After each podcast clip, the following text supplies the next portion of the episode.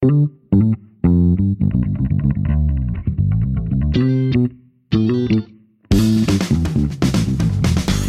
dag, god dag. God dagen. Hvordan går det, Helen? Jeg syns det går ganske fint. Det syns jeg òg. Skal vi gå bare rett på sak? Ja. Vi har en ny gjest i dag. Han heter Atle Austad. Og vi er veldig, veldig glad for å ha fått med oss eh, denne mannen for å snakke med oss, fordi han er en av de klokeste og gøyeste menneskene jeg vet om. Du kjenner han ikke. Aner ikke. Du kommer til å bli gledelig både overrasket og bare glad, egentlig. Han er psykologspesialist og spesialist i klinisk sexologi. Oh yeah, så her har vi mye vi kan spørre han om. Han har 25 års fartstid som psykolog. Han har lang erfaring med mennesker som de fleste av oss bare hører om. Det er tunge kriminelle, overgrepsdømte, overgrepsofre, voldtektsforbrytere, i det hele tatt. Mye heavy mennesker, mye heavy greier. Den senere tiden har han beveget seg mer og mer mot oss vanlige, dødelige mennesker, og bruker mer tid på sånne som deg og meg, Helen. Å, det er bra. Er ikke det fint? Toppfolka. Vi trenger toppfolka. Ja, vi trenger jo hjelp. Ja, Vi òg. Ja, vi gjør jo det. Men det er, kanskje, det er kanskje noen som kjenner navnet hans. Altså, han var jo psykologen til Viggo Kristiansen. Altså eh, dømt i Baneheia-saken, for deretter å sone 21 år i fengsel. Nå nettopp eh, av eh, kommisjonen da frikjent eh, før Eller fått tatt opp saken sin og fått, blitt frikjent nå rett før jul. Ute av fengsel. Og Atle var jo en av de første, eller om enn den første, som hevdet da Viggos uskyld. Det var ikke så veldig populært Nei. den gangen. Altså, da mente han det eh, da, som alle mener nå. Og han ble utsatt for ganske mye kjipe ting ved å gå imot det massene tenkte. Så det blir spennende å høre uh, om hvordan det var, og hvordan man står i det og holder fast på trua si, Ja. selv om alle andre mener at du tar feil. Og det å det å stå i trua si, selv om alle andre mener at man, at man tar feil. Så, eh, og, og det, hva er det som er så viktig med den jobben hans, da, som gjør at, eh, at, han, at han greier å, å ta all den driten som kommer? Dette her skal vi eh, finne ut av. Vi har lyst til å høre om det. Eh, Vi skal inn i dette materiet her. Og vi er veldig veldig spent på den timen vi skal få. Altså, Det er jo rett og slett som å være hos psykolog. Vi skal jo til psykolog nå. Ja, det er på høy tid. For deg, Helen. Enig.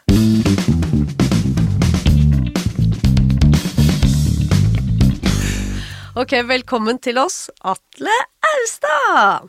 Hvordan går det? Bra. Ja, Ja. Takk for at du har kommet til oss i dag. ja. Hyggelig. Vi har veldig mange spørsmål til deg. Vi vet ikke om det er nok med en time, vi, men eh, vi bare Kan vi ikke bare kjøre på? Jo, jo, jo, men først må vi kartlegge litt her nå. Ja. Altså, når man er eh, Hvorfor tok du sexologi valgfag? Eh, eller er det, er det naturlig at psykologi og sexologi liksom henger sammen? Er alle psykologer også litt sexologer, eller hvordan er det med den saken? Nesten ingen. Nesten ingen. Nei. Det var ganske tilfeldig. Men er det en retning da innenfor psykologien? Finnes ikke. Nei. Men Nei. det er, en, et, si, er det et sidespor? Er, sexologi er fullstendig fraværende fra psykologistudiet og Ah. legestudier og alt. Så Ah. det her er tilfeldigheter som gjorde at jeg kom inn i det. Ja. En kompis som maste i ett år om at jeg begynne, måtte begynne å jobbe med sexologi.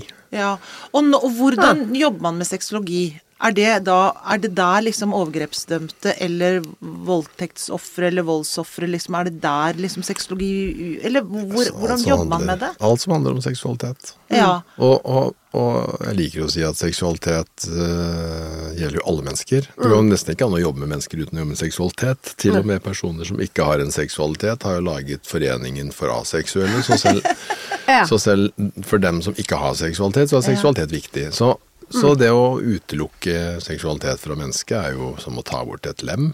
Ja. Men det høres jo ut, for meg så høres det ut som det er liksom psykologi. For at det sitter jo i huet, gjør det ikke det da? Ja, det er morsomt. Ja, Eller jeg gjør holdt på å ikke si huet er vel stort sett det som forstyrrer seksualiteten. Oh, ja, sånn, ja. Eh, all- ja, hvis, hvis kroppen hadde herja fritt med seksualitet, så hadde det funka.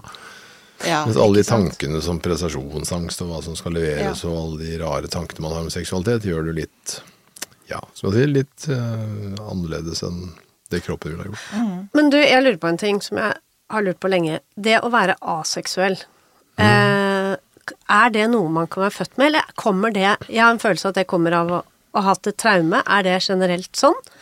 Eller kan man være født av, eller være bare generelt aseksuell uten å ha fått et traume? Hvis man er fysisk intakt ved fødselen, så har man nok ikke blitt født aseksuell. Nei. Det må jo være en skade da, som Ja. gjør det sånn. Um, Men man har jo rikelig anledning til å utvikle en aversjon eller problemer knyttet til seksualitet Mm. fra dag én til eh, man begynner å bli seksuell. Ja, ikke sant. Mye, skje, mye kan skje som gjør at eh, seksualiteten ikke blir så enten enkelt eller Mm. eh, vanskelig å få til, eller Så det, så det er nok en utviklingstilstand. Men en, en annen ting som jeg lurer på når du Du har jo eh, tidligere hovedsakelig jobbet med ganske trøblete mennesker, altså på det ekstreme nivå. Uh, tar jeg feil? Jeg har jobba mye med det i 25 år, så har jeg jobbet med man kunne si de personene i dette landet som har gjort de mest ekstreme eh, seksuallovbrudd og Mm. drap og, og, og sånn. Jeg har jobba mye med Det har vel utgjort ca. halvparten av min eh, praksis i 25 år. Ja. Så det har vært mye. 20 timer i uka med, med sånn tematikk som de fleste ikke er borti, da. Men da er det et mørke, da. Altså, Ja, det er, ja, det er, altså utgangspunktet er jo forferdelige handlinger. Eh, de personene jeg jobba med, er jo likandes folk. Så bortsett fra at de gjør forferdelige handlinger, så er de jo veldig likandes folk. Og mye gode egenskaper som selvfølgelig gjør at eh, det er de som skal komme frem gjennom terapi nå, da. Slutte å gjøre de gærne tinga og få fram det som også er i dem, de gode tinga. Kan jeg da spørre, er det, er det altså, sånn generelt som psykolog Hvis du har en uh, pasient, eller en Heter det pasient? Jeg kan kalle det Ja. hva som helst. Uh, hvis du har en pasient som du For man møter jo mennesker man ikke liker, av forskjellige grunner. Er det noen ganger at du har en pasient som du bare generelt ikke liker? Og hva gjør du i så fall med det? Kan du være profesjonell, eller hvordan Har det skjedd? Jeg har jo møtt folk som jeg i utgangspunktet sliter med å finne helt eh, Hva skal man kalle det frekvensen med. Altså at det er ikke så mange følelser som handler om å like. Men mislike sterkt tror jeg ikke er gjort. Nei. Men sånn er at, det- eh, ja. Utgangspunktet er jo at jeg er ute etter å like folk, og, og det er ikke mange som jeg kjenner at jeg ikke har likt. Altså. Nei. Nei, men fordi at jeg, jeg, hvis jeg skal uh, snakke litt om meg selv, da, det har jeg veldig lyst til nå Nei, men det som, det som preger liksom om jeg liker noen, eller altså ofte så kan jeg la uh, Altså, jeg vet at jeg har en spesiell politisk holdning, altså et eller annet som gjør at jeg tenker ah, nei, jeg orker ikke å investere. Altså, jeg skjønner at du er på jobb, så du må investere tid med dette mennesket, men det der å la seg prege litt av det som da disse menneskene har gjort, da. Mm. Det der å greie helt å legge det til side. Jeg skjønner at da syv års utdannelse er veldig godt å ha med seg, eller åtte eller ni eller ti, eller hvor lang tid det tar å bli psykolog, men det der å kunne greie liksom å koble av den handlingen eller det de står for, og så bare se det som er en som er sånn kjernen av et menneske. Altså sm smører ikke det seg sammen, på en måte? Altså handlingen og mennesket blir jo liksom ett også. Vi er jo summen, er vi ikke det? Det er jo vanskelig å adskille det helt. Og jeg vet jo hva de som har gjort gærne ting, har gjort. Og jeg er jo helt normal, så jeg reagerer jo like sterkt som alle andre på de tingene som gjøres. Jeg har jo, I forhold til f.eks. overgrep mot barn, så har jeg jo syv barn.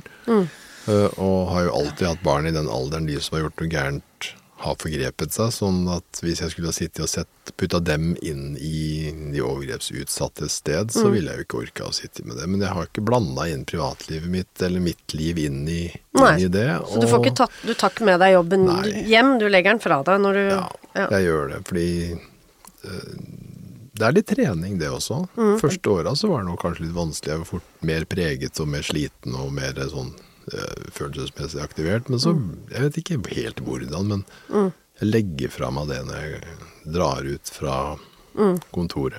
Det er fordi du er psykopat, det, Atle. Ja, for det man tenker er det mest kynisme i akkurat det. Jeg, jeg, har, jeg, jeg, jeg har jo Jeg kan ikke fleipe.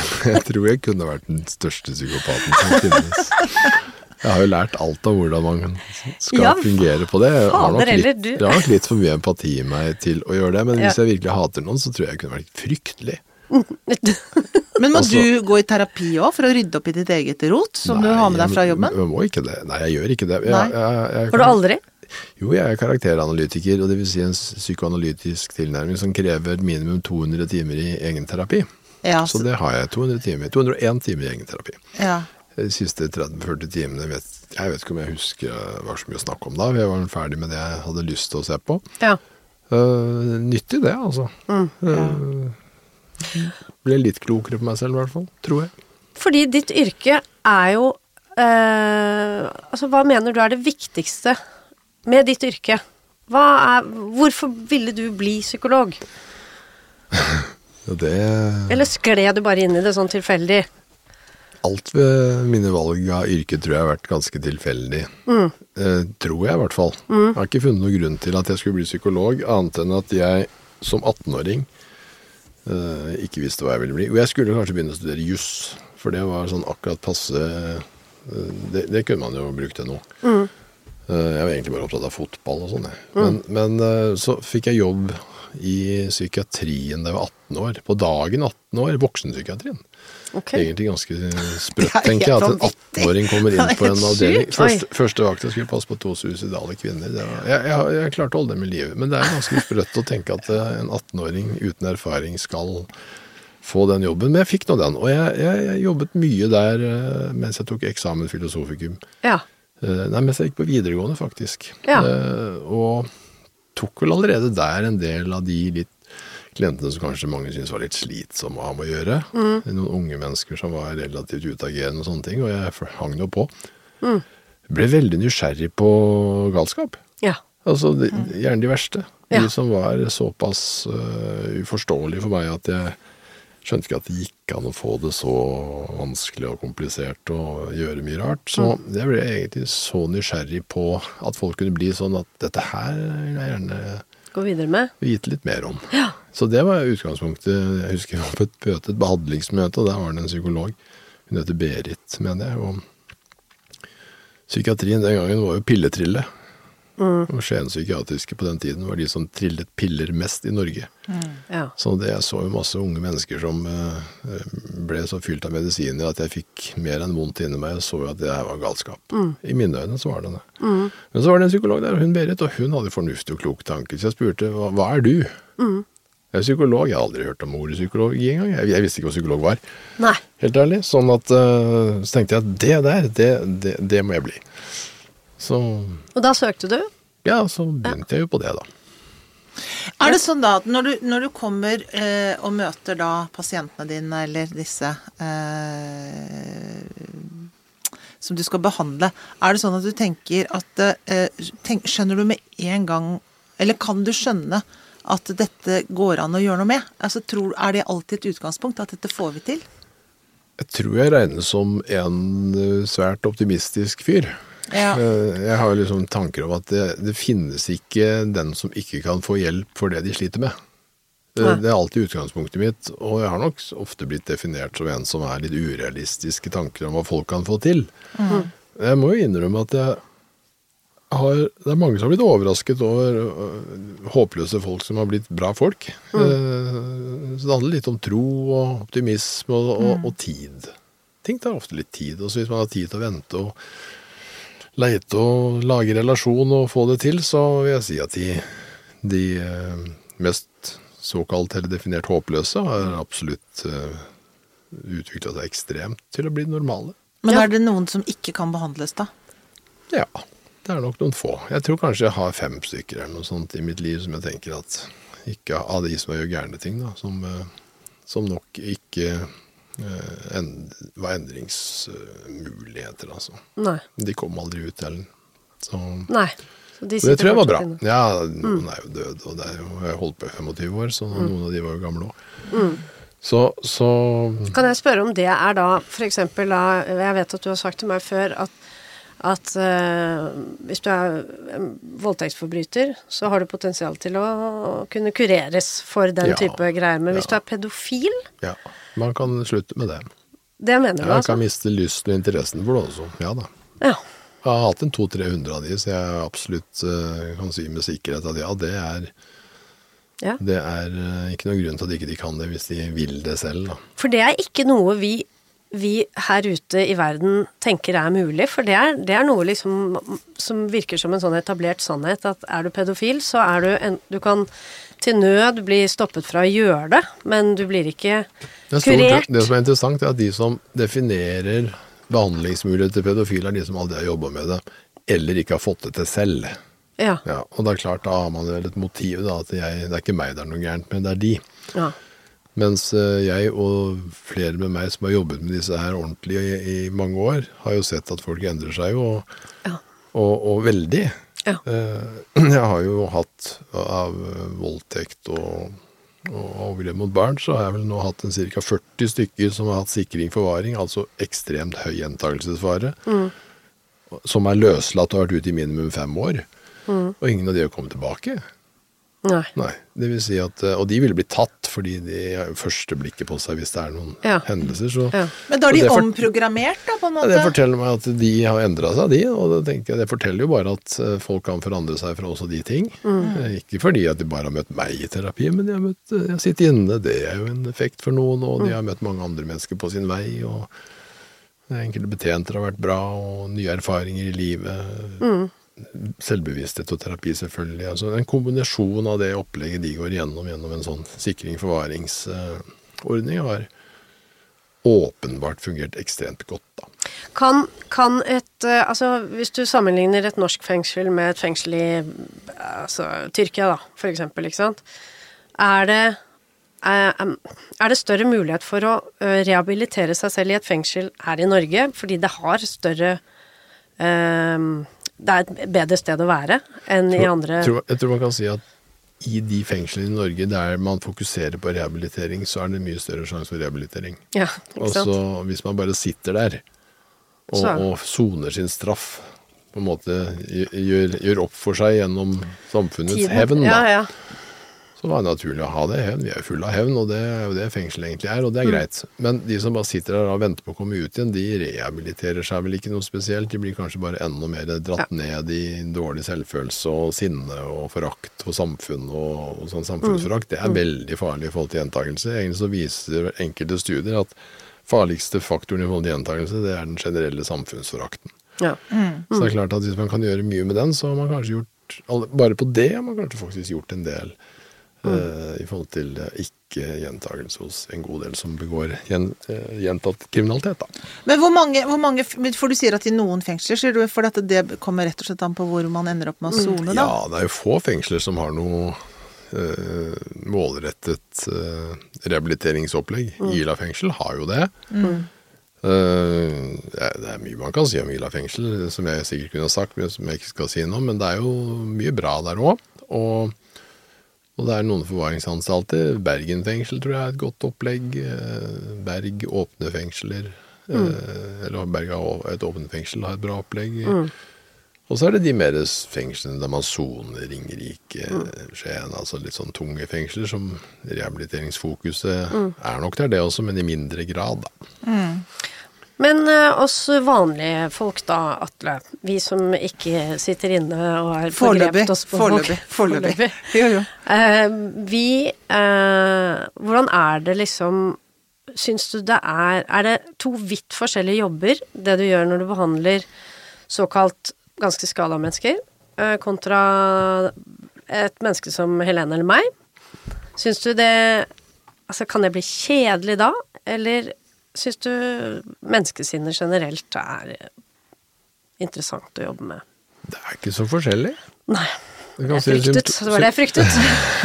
Nei, men du spurte om terapitilnærmingen og det som skjer er så forskjellig. Det er Mm. veldig mye likt. Men der det er avvik, så jobber man jo spesifikt med avvika, som Mm. er forskjellig selvfølgelig. Men utover det så handler det om å bygge opp bevissthet og selvtillit og selvfølelse. Og, Og tillit til deg, Tillit og- til meg, ja. og, og, og litt mer ålreit, god selvhevdelse og mm. bevisstgjøring. Altså det, det er jo egentlig de samme prosessene, men altså det er forskjellen på de, Det er en stor forskjell på de som eh, spesielt har eh, avvik i forhold til barn og sånn, det er at de er veldig undervikende i sin personlighet i utgangspunktet. Altså, sånn at eh, Men skam, er det skam, det, da? Nei, de er unnvikende i personligheten. De tar, unngår un, unnvikende engstelige personlighetstrekk eller personlighetsforstyrrelse, veldig mange av dem. Det vil si alt som er vanskelig, det unngår man eller søker letteste vei, og forholder seg ikke til det som er problematisk. Av den grunn også barn utfordrer svært lite, så man ikke får til voksenting. Så barn har jo ingen utfordring, samtidig som man kan fungere og få en følelse av at man fungerer både seksuelt og som person. Få bekreftelse med at barn er jo åpne og imøtekommende og snille, sånn at man får dekka masse behov der. Minste motstandsvei. Ja. Sånn at, eh, sånn at ja. det er veldig få som tenner på barn, som bare tenner på barn. De fleste tenner på voksne, men de tør altså ikke, eller får ikke til den voksne Å oh, ja, er det sånn det er? ja, så sånn sett er det ikke oh, sånn ja. at man må lage ny seksualitet. Nei, for jeg trodde det var en, en Ja. seksuell preferanse, jeg, rett og slett. Ja, ja, nei, det er jo nok mer enn en erstatning. eh, Ja. Enten primær, sånn at det er blitt den eneste man fokuserer på. Mm. Eh, kanskje til og med den eneste man har utvikla hvis man alltid har vært veldig engstelig. Ja. Men uh, fram til var en sånn eh, 13-14-15 år, så har jo alle vært helt vanlig. Jeg hørte en teori, eh, kan, kanskje du har hørt den, om eh, eh, overgrepene i katolske kirke. ikke sant? Altså sølibatlivet der. Ja. Eh, veldig mange, eh, særlig eh, som opplever en homoseksualitet, eller eh, dragning mot andre menn spesielt, da, eh, Ja. som går inn og blir sendt i kloster eller blir sendt av gårde på presteskole når de er ganske unge. Og så får de liksom seksualiteten sånn skrudd av, på en måte, eller den blir stoppet. Eh, når, akkurat når de er liksom i puberteten for gutter da rundt sånn 15-16 år, ikke sant. Og det betyr at deres da For man prøver liksom å forklare hvordan kan det skje at det er liksom titusener, liksom, Ja. av overgrepssaker, og veldig mye gutter. Barn mer enn jentebarn, faktisk. Er det da fordi at de da har liksom At den er liksom frosset, seksualiteten er frosset i barnesinnet deres, og så har de vokst opp og blitt voksen, men inni seg så er det liksom de barna? Liksom sånn Peter Det er Pan. som er viktig Ja. å tenke på i den katolske kirke generelt, er at seksualitet er forferdelig skamfull. Så Ja. den seksuelle utviklingen der er nok så som så i det hele tatt. Ja. Og, og, og eh, selvfølgelig, for veldig mange så har eh, seksualiteten stoppet opp, og hvis man ikke utvikler den videre, så, videre, så, så fortsetter man gjerne der den Ja. slapp sist. Og Da. er tiltrukket mot det man pleide å være Og tiltrukket og så er det nok en stor del av de som da forgrep seg der, de er homoseksuelle, men aldri kommet ut av skapet. Og det vil si at de har gjemt seg i den katolske kirke og såkalt sølibat, og så har de levd ut seksualiteten sin i skjul. Det vil si Mm. at de aldri har vært åpne homofile, men altså da tukler man med smågutter. Og det er jo vel de, de i Norge også som tukler med smågutter, som er egentlig homofile. Mm. Det er ikke noe annerledes enn at de mennene som tukler med småjenter, egentlig er heterofile. Men altså at de da eh, alderskomponenten, enten skam eller mindreverdighetsfølelse eller utilstrekkelighet, gjør at de ikke tør å nærme seg voksne. Og barn er ikke skumle å tilnærme seg. Sånn at eh, det er hovedtematikken i pedofili.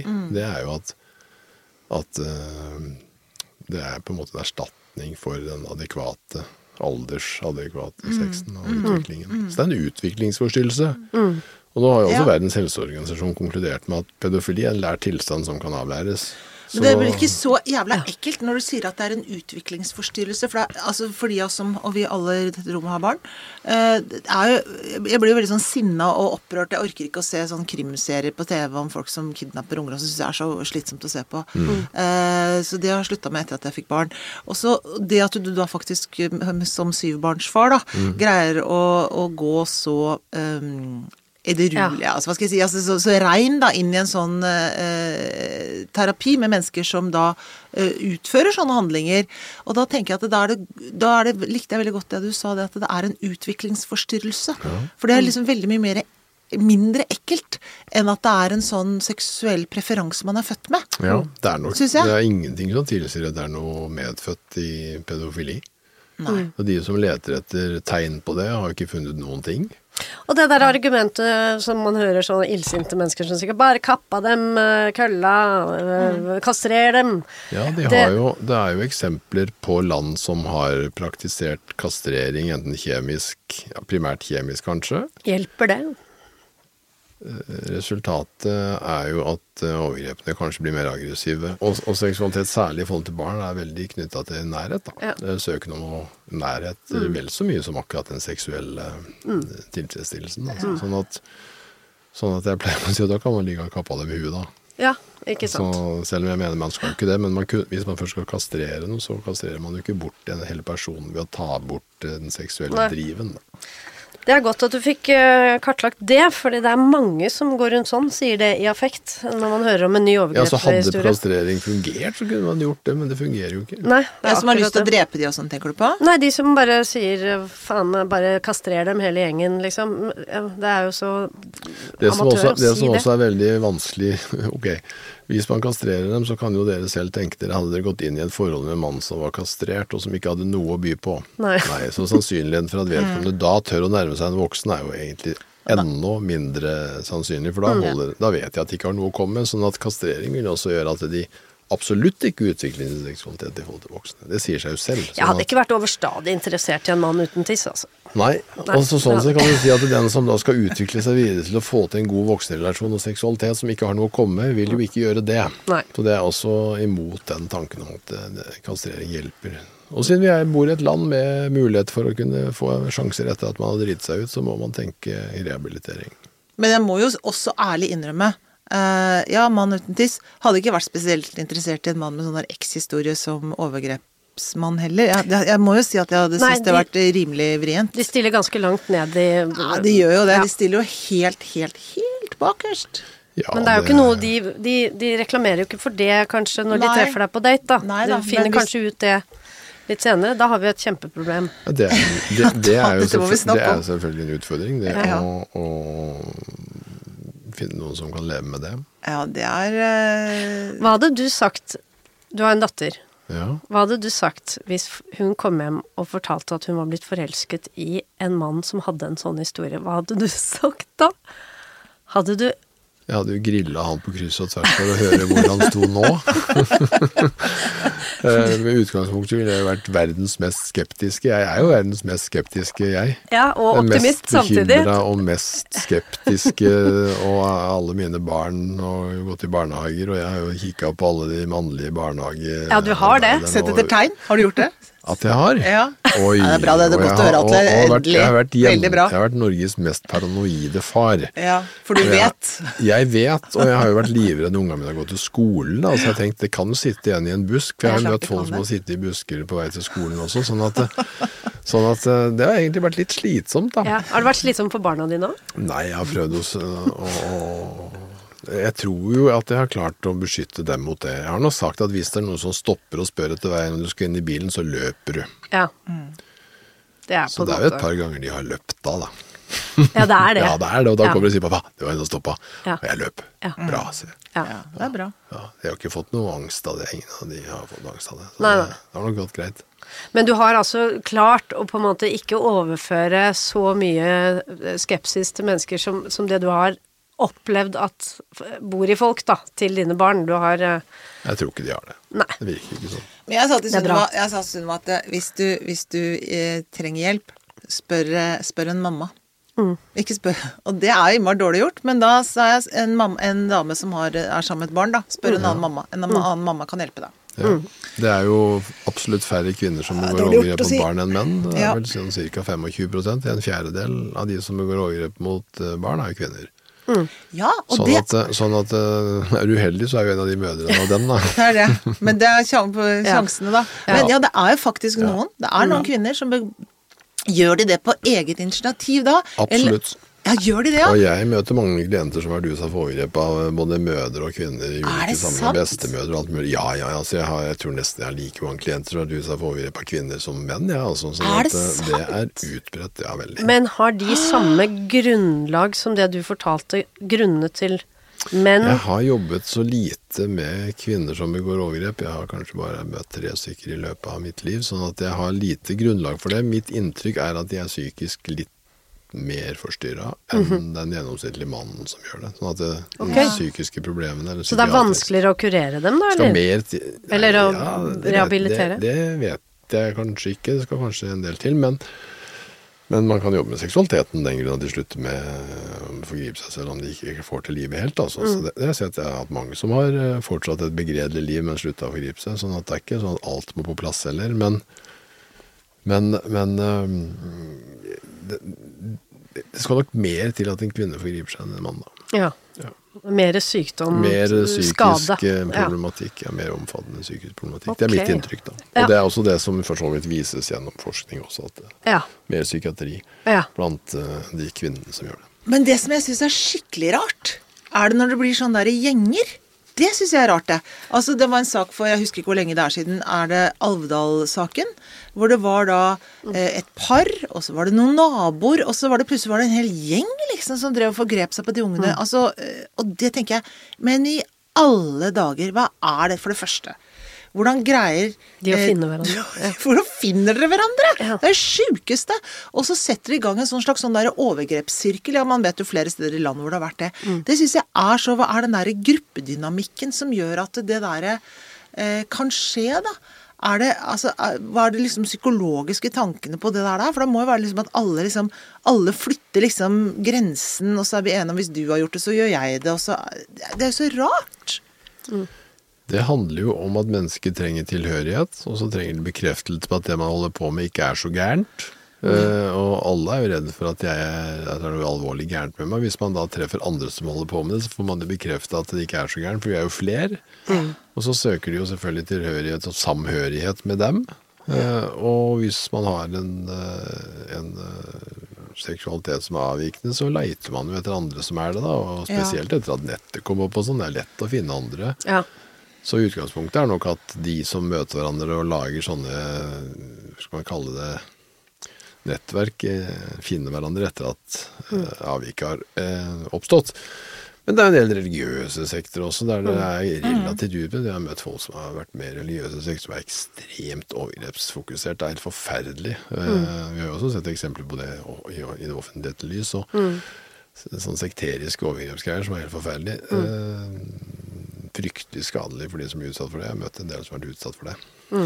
Fordi du har jo ofrene kommet til deg også. Ja da, jeg har jo vi alltid jobbet om- med det også. ja, ja ikke utsatte, sant? Ja. Mm. Og det må ha vært så rart. Altså, for nå, du jobber på en måte med begge sider av, av handlingen, da. Spekteret der. Veldig fint for de utsatte å vite at jeg jobber med dem, fordi da kan de, de Jeg gir dem jo forståelse av hva overgrepet handler om, at det er den som gjør det, som har ansvaret for dette. Det er ikke de fleste som blir utsatt for det, får en følelse av at det handler litt om dem.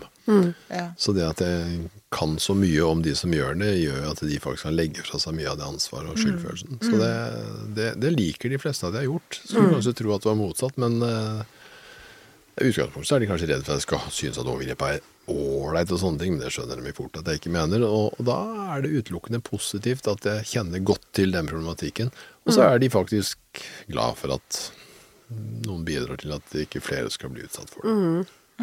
Så Men det er jo, det er jo noe med at uh, når, de først, når noen først kommer til deg, så har man jo Hvis ikke man har blitt pålagt av staten eller noe sånt, men hvis man først kommer til deg, så er man jo i utgangspunktet godt på vei til å ha en selvrefleksjon, da. Altså Ja, det, må nok, det må nok understrekes at de som har gjort gærne ting, sjelden kommer frivillig. uten å være sendt eller, Ja.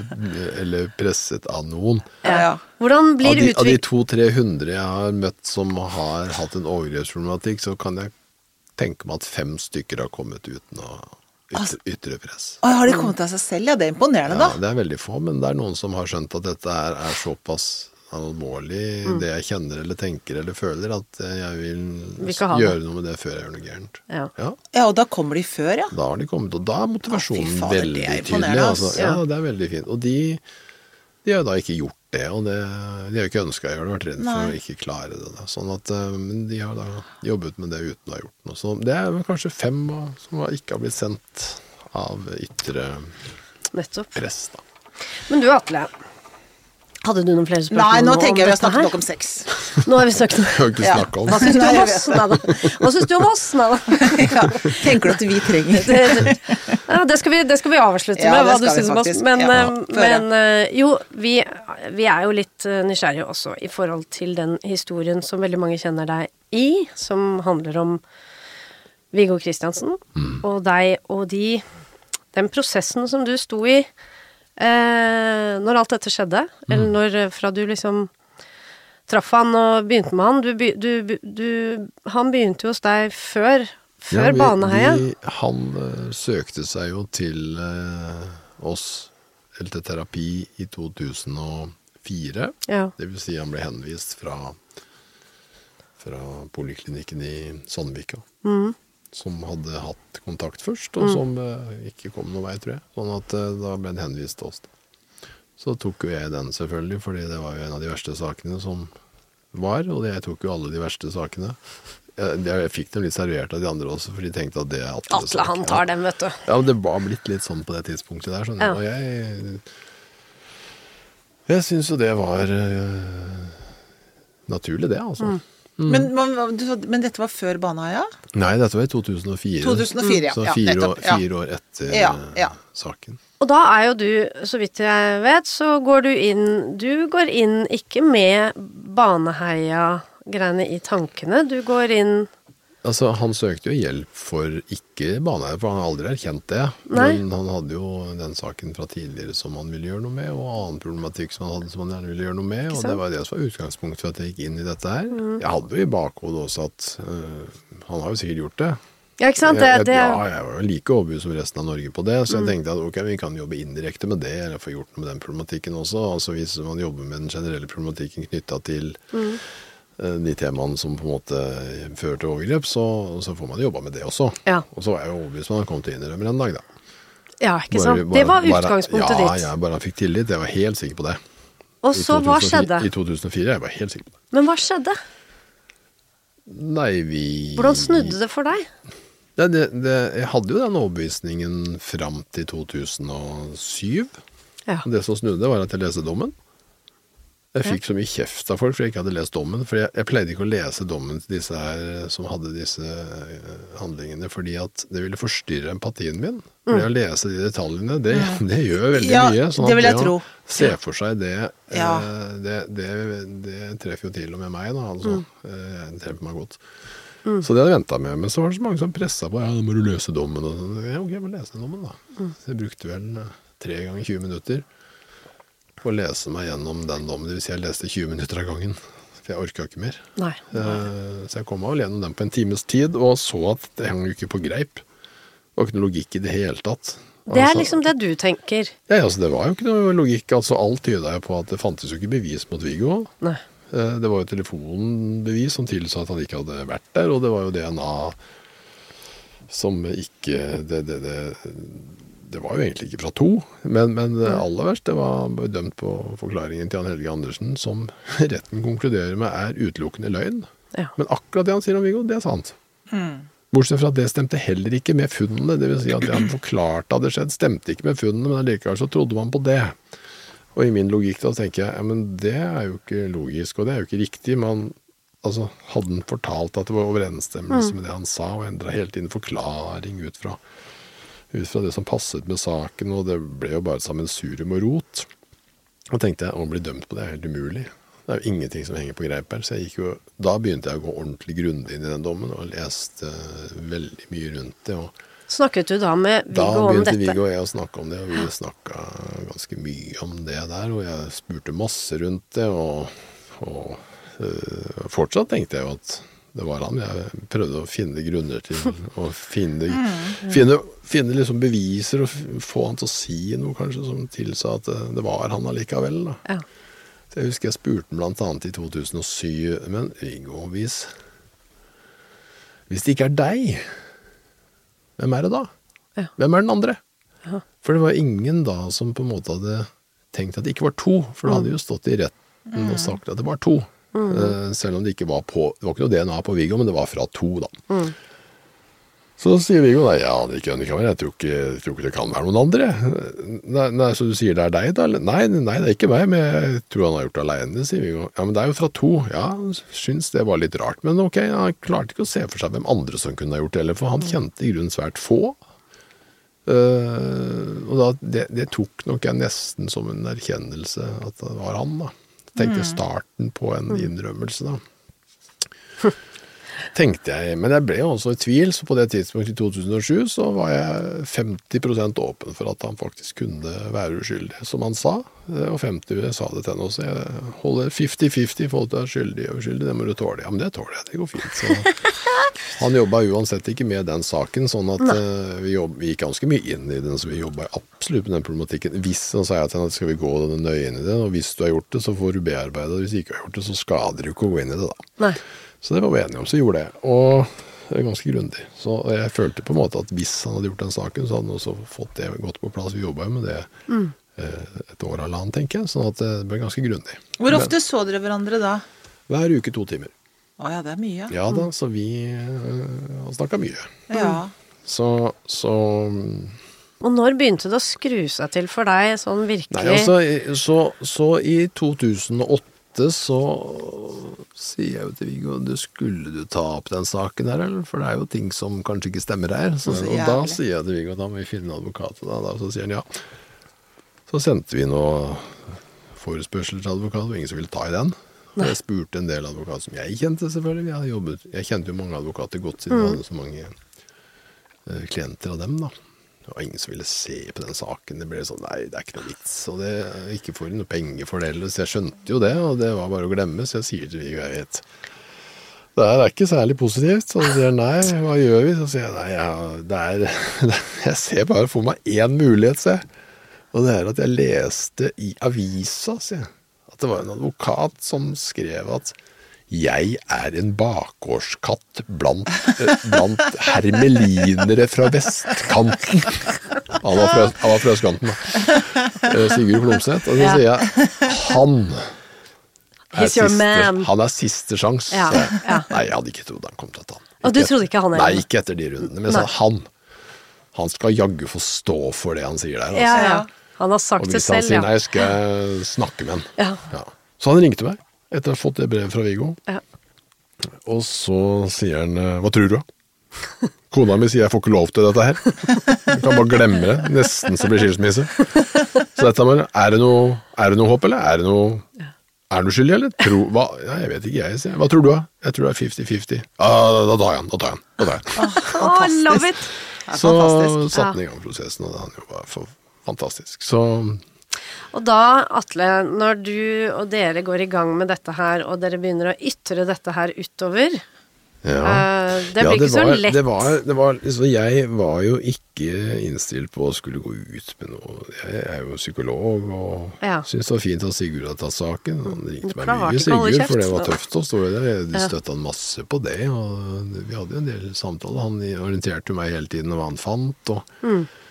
Og så, i 2009, så ber jeg Viggo om å ta kontakt med Sigurd Lomseth mm. for å få den gjerningsmannprofilen som var utarbeidet i saken. da. Mm. Hva ble konklusjonen på det? Det visste jeg jo ikke. Nei. Og så sier Viggo det til Klomsæt, så sier Klomsæt ja, det skal jeg finne. Og så kommer Klomsæt i 2010. Og så sier han, øh, litt sånn øh, halvt år etterpå, eller noe sånt Ja, det finnes jo ikke noen gjerningsmannprofil. Så da ringte jeg rett og slett hun øh, psykologen, og så snakke, spurte jeg om den gjerningsmannprofilen, og så sier hun at ja, nei, vi konkluderte med én gjerningsmann, vi. Vi var veldig tydelige på det, både ut fra de rettsmedisinske eh, funnene og alt på åstedet, og alt tilsier at det er én gjerningsmann, sier hun. Da bikka jeg til 90% overbevist. Det var mitt beste spørsmål. Ja. Hvor høy er prosenten nå? Ja, 90 overbevist om at han ikke hadde gjort. Ja. Og så det... jobbet Klomsøt og fant at DNA ikke stemte, og så fant han ut at på et telefonbevis at det var umulig at det mm. kunne slått over, og så kom det, og så i, i løpet av 2010-2011 så var jeg overbevist om at han ikke var skyldig. Men da eh, er det sånn at de begynner å skjønne at du og Klomsæt graver i dette her? Det er ingen som visste at jeg grav, vet du. Nei. Jeg var under radaren. Du var, oh, ja, men, du var to, da, to, timer hver uke, du? Og fikk... Jeg var på Ila, jeg også jobbet ja. med mange innsatte. Som jeg, hadde, jeg hadde vel 10-15 innsatte der som jeg jobbet med. Jeg var der oppe to dager i uka, og så Viggo var bare én av de. Det var ingen som ante at jeg hadde noe, noen egentlig innflytelse på den saken i det hele tatt. Men var det litt bevisst også? At du ja, tenkte at dette er lurt å holde det Aldri, jeg hadde jo aldri tort å si noe utad om at jeg, hva jeg mente om det. Nei. Da hadde jeg jo blitt eh, jeg, jeg tenkte jo at da hadde jeg jo nesten blitt drept. Men du gjorde det jo til slutt? Nei. Jeg gjorde jo ikke det. Å nei, hvordan da? Altså, for det er jo det inntrykket. Ja da, jeg har jo Da hadde jeg jo vært altfor tøff. Jeg er ikke så tøff. Trodde du var skikkelig tøff, jeg, Atle. Ble du avslørt, da? Du, vet hva, det er egentlig en ganske sær historie, da, fordi i 2013, mot slutten av året 13, så fikk jeg en eh, mail fra Arvid Sjødin, som da hadde tatt over saken, til, saken fordi Klomsæt da hadde mista lisensen. Om jeg kunne svare på en henvendelse fra Gjenopptakelseskommisjonen, for da hadde Sjødin eh, anmodet Gjenopptakelseskommisjonen og snakke med meg om hvordan gjerningsmannprofilen ble unndratt, så de fikk vite liksom, hvordan politiet faktisk unndro beviser. da. Det, det, hvis man unndrar det beviset, så er det jo ikke usannsynlig at man har unndratt andre beviser som heller Nei, ikke passer. ikke sant? Så det er jo en ganske viktig samtale, tenker jeg. Da svarte jeg Klomsæt, eh, nei ikke Klomsæt, Sjødin. Sjødin den kvelden at jeg er ganske overbevist om at kommisjonen ikke er interessert i å prate med meg. Jeg kan selvfølgelig fortelle om hvordan denne på korruptivt vis ble unndratt, og hvordan Ja, jeg skrev mye stygt, da. Ja. Som man gjør til en som eh, også er enig i det. For det vi hadde jo Jeg snakka jo ofte med Sjødin, jeg, altså på telefon om eh, Ikke ofte, men i hvert fall i forhold til saken og hvordan de unndro ting, og hvordan de holdt på og sånne ting. Så vi var skjønt enige om at dette var gjennomkorrupt, hele skiten. Så jeg skrev jo den mailen til han i, i den sjargongen, da. Det jeg ikke visste, var at han sendte hele mailen i sin rene form til Gjenopptakelseskommisjonen. Oh, det friske språket ditt, Atle. Det friske språket som var gatespråket mitt, da. som jeg Det er to bakerskatter her. Ikke han med høyere utdannelse. Jeg hadde jo aldri skrevet det hvis jeg visste at det ble sendt sånn. Men nå, nå skrev jeg det, så jeg må jo stå for det. Og jeg mente jo jeg. mente hvert eneste ord. Ja, ja. Men jeg har, en, jeg, har jo, jeg har jo blitt beskyldt for ikke å ha etikette og oppdragelse. Men jeg har jo såpass at jeg i hvert fall kan At fall kunne ha skrevet det ordentlig der, da. Men når det en gang kom dit, så kom jo det da Da ble jeg klagd inn da for at jeg var behandleren til Viggo Kristiansen, og at da hadde ikke jeg behandla han eh, adekvat, siden jeg trodde han var uskyldig. og så da var det, Hun prøvde selvfølgelig å ugyldiggjøre terapien. At du har altså. forutinntatt da, da, ja, liksom. Nei, men hun prøvde å ugyldiggjøre terapien så Viggo aldri skulle komme ut. Det har vært målet hele tiden. Så hvis Ja. han ikke da hadde hatt en terapi som var bra nok, så kom han aldri ut. Og det var jo da håpet om at jeg hadde gitt en dårlig terapi, Ja. og at man kunne underkjenne den, sånn at han aldri kom ut. Det, var, det er ikke noe å lure på. Det var målet. Ja. Så jeg ble hengt ut som den største idioten i Norge. Eh, Det var vel da torsdag 28. august Å ja, du husker datoen, ja. Jeg, hadde, jeg hadde jo ikke fått tilsyn engang, vet du. Nei. Nei, tirsdag var det. Nei, nei, det var, nei eller var det det var sånn åt- 28. august, men jeg, jeg hadde jo ikke fått tilsynet. De hadde ikke engang rukket å skrive det ut før de hadde orientert media, så her var jo Ja, ikke sant, for det er er det en varslingssak jeg fikk, på deg, da. jeg, fikk, jeg fikk presentert hele tilsynet fra media, jeg. Ja, men Hva vil et sånt tilsyn si? Nei, målet der var jo å ta lisensen min. Ikke sant, For da Ja. tenker du at du er ikke du er Ikke til til å gjøre jobben din. Ja, ja, ja. uforsvarlig terapi, Ja, uforsvarlig ja. terapeut Du- som bryter alt Ja, som heter lov og regler. Så, og så du skal er- gjøre deg arbeidsufør, da, rett og slett? Altså, Ja, iallfall arbeidsledig. Ja. Ja, ja. Og, og, Og funket det på noe måte? Men alle avisene var så eh, aggressive, vet du. Mm. Men han er jo psykologen, ikke sant. Psykologen Viggo Kristiansen mener han kan være uskyldig. Og det var jo sånn bang, bang. ja. Og det var ukritisk, og det var ingen som ville dekke min mening eller si det. men de ville ikke høre på det? Nei, de ville bare høre at jeg mente at han kunne være uskyldig, og det sa jeg jo. Jeg sto jo for det. Eh, Jeg bekrefta jo det til media, selvfølgelig. Jeg står jo for det jeg mener. Mm. Eh, Visste du Tenkte du på det tidspunktet at nå kommer det til å ja, For meg der så var det Eller var du ikke For meg der så var det Det var jo kjempeubehagelig når det kom i media, for jeg gikk, jeg gikk inn på sosiale medier og liksom tenkte hva er det folk sier da?